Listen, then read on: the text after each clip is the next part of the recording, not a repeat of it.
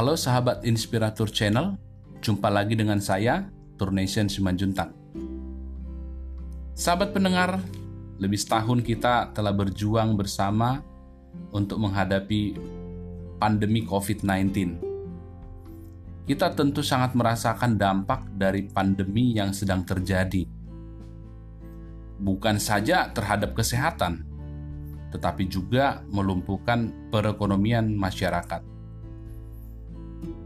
anjuran agar lebih banyak beraktivitas di rumah aja, menjaga jarak, serta mengurangi mobilitas, tentu secara langsung berdampak pada penurunan aktivitas perekonomian.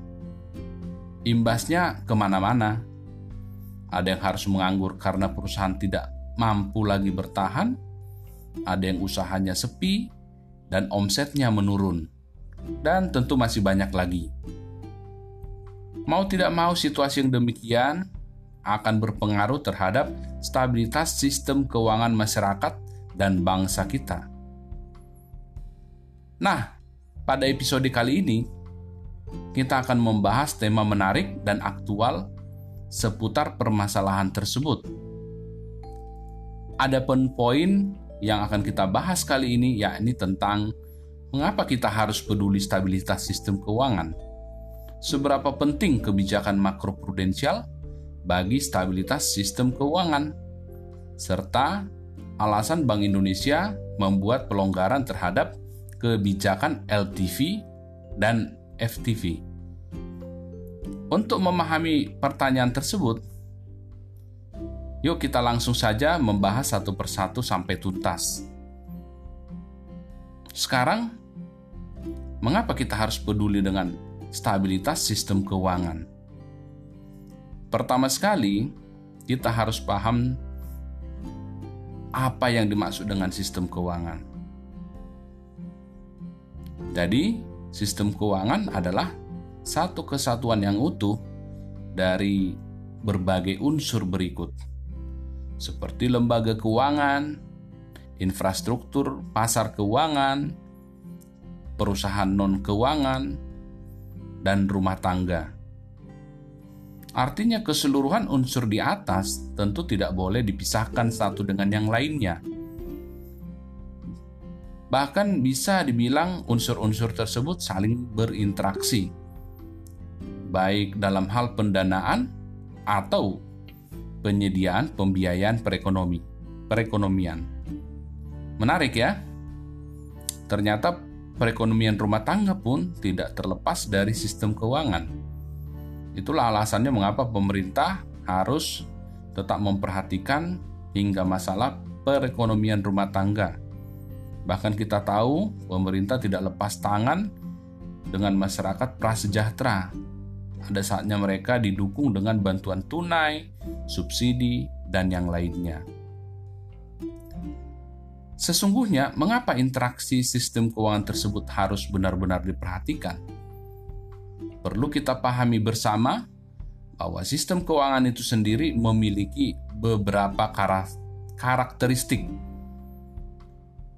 Yang pertama, adanya keterkaitan dan ketergantungan antar institusi dalam sistem keuangan. Maka, kalau ada permasalahan dalam satu institusi, tentu dapat menyebar ke institusi lainnya. Atau hal ini disebut dengan interconnectedness. Yang kedua, potensi penyebaran risiko atau spillover akan meningkat jika institusi yang bermasalah adalah institusi yang sistemik atau disebut dengan istilah too big to fail adanya risiko pada aktivitas bisnis di sistem keuangan yang umumnya terakumulasi di satu sektor yang sama atau yang dikenal dengan istilah common risk factor. Yang keempat, perilaku ambil risiko yang mengakibatkan ketidakseimbangan di sistem keuangan. Istilahnya risk taking behavior. Nah, sekarang pertanyaannya, siapakah yang berperan dalam menjaga stabilitas sistem keuangan tersebut. berdasarkan Undang-Undang Republik Indonesia Nomor 9 Tahun 2016 tentang pencegahan dan penanganan krisis sistem keuangan, maka ada beberapa institusi yang bersinergi untuk menjaga stabilitas sistem keuangan. Di antaranya Bank Indonesia, Kementerian Keuangan, Otoritas Jasa Keuangan atau OJK, Lembaga Penjamin Simpanan atau LPS. Masing-masing institusi tersebut tentu memiliki tugas dan tanggung jawabnya. Nah, pada episode kali ini kita akan membahas sebuah kebijakan Bank Indonesia untuk mendukung stabilitas sistem keuangan. Kebijakan yang dimaksud adalah kebijakan makroprudensial. Sahabat pendengar, sudah pernah mendengar kebijakan makroprudensial? Apa sebenarnya maksud kebijakan makroprudensial tersebut? Menurut IMF, kebijakan makroprudensial merupakan kebijakan yang memiliki tujuan untuk memelihara stabilitas sistem keuangan secara keseluruhan melalui pembatasan risiko sistemik. Sementara kalau bicara tentang tujuan instrumen kebijakan makroprudensial tersebut, bisa kita lihat dari dua hal, yakni ketahanan dan intermediasi. Untuk aspek ketahanan sendiri, yakni berupaya mengurangi risiko sistemik.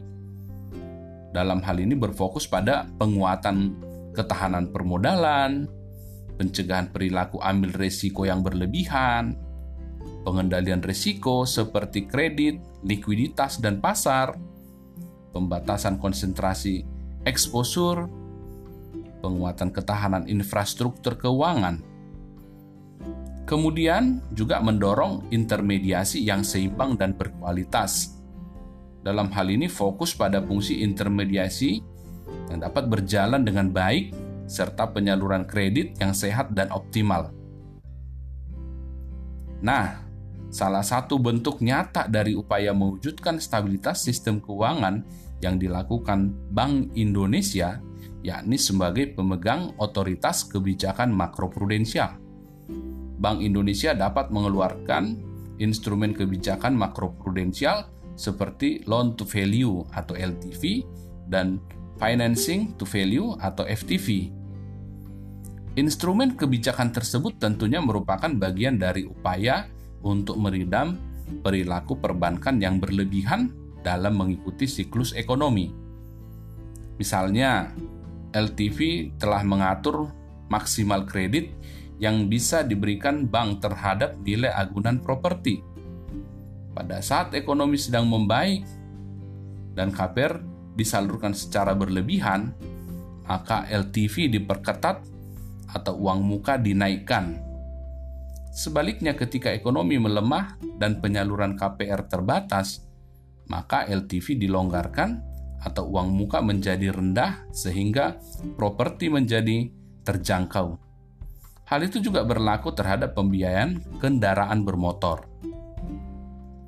Nah, mengingat sekarang kondisi ekonomi sedang melemah, yakni dikarenakan pandemi COVID-19, maka sejak 1 Maret 2021, Bank Indonesia telah menerbitkan ketentuan pelonggaran rasio LTV untuk kredit properti, rasio FTV untuk pembiayaan properti, Begitu juga uang muka untuk kredit atau pembiayaan kendaraan bermotor yang kita sebut dengan KKB atau PKB.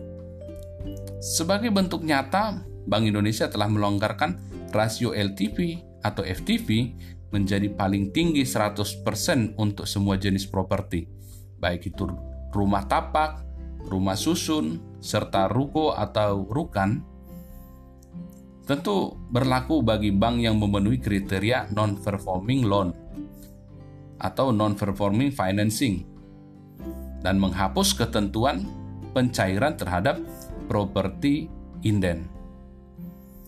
Selanjutnya, melonggarkan ketentuan uang buka KKB, PKB, atau kredit eh, kendaraan bermotor, pembiayaan kendaraan bermotor menjadi paling sedikit 0% untuk semua jenis kendaraan bermotor baru.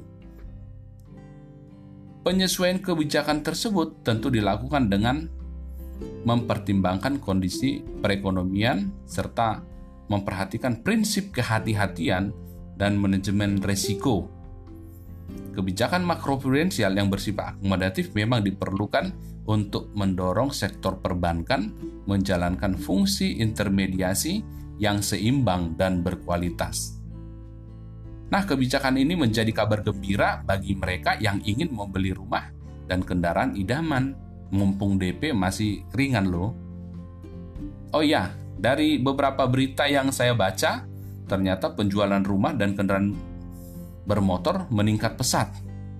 Tentu hal itu merupakan realisasi dari kebijakan LTV atau FTV yang kita bahas tadi. Misalnya pada berita bisnis.com 12 Mei 2021 yang mengatakan bahwa pada kuartal pertama penjualan rumah siap huni melonjak. Di sana dikatakan bahwa pemberian intensif insentif eh, pajak pertambahan nilai atau PPN sejak 1 Maret 2021 berdampak positif bagi penjualan rumah siap huni di Jabodetabek dan Banten. Menurut hasil riset Indonesia Property Watch, IPW ternyata terjadi peningkatan penjualan hingga 661% persen selama kuartal 1 2021. Meskipun kebijakan ini baru berjalan satu bulan. Sementara dari berita yang lain, pada CNN Indonesia 12 April 2001 bahwa penjualan mobil Maret 2021 meroket karena diskon PPNBM. Berikut saya kutip beritanya bahwa penjualan retail mobil di Indonesia naik 65,1 persen pada Maret dibanding Februari 2021. Gabungan Industri Kendaraan Bermotor Indonesia Gaikindo menjelaskan kenaikan signifikan itu berkat program relaksasi PPNBM yang diselenggarakan pemerintah sejak 1 Maret 2021. Tapi ngomong-ngomong, Mengapa Bank Indonesia melalui kebijakan makroprudensial begitu memperhatikan properti dan otomotif? Perlu kita ketahui bahwa properti dan otomotif itu ternyata sektor potensial yang mampu membantu momentum pemulihan ekonomi. Alasannya karena kontribusinya terhadap ekonomi yang tinggi, jumlah tenaga kerjanya tergolong banyak, keterkaitannya dengan sektor lain yang sangat tinggi, serta pangsa ekspor dan kredit yang besar. Nah, itulah bahasan kita seputar mengapa kita harus peduli sistem stabilitas sistem keuangan. Seberapa penting kebijakan makroprudensial bagi stabilitas sistem keuangan, serta alasan Bank Indonesia membuat pelonggaran terhadap kebijakan LTV atau FTV.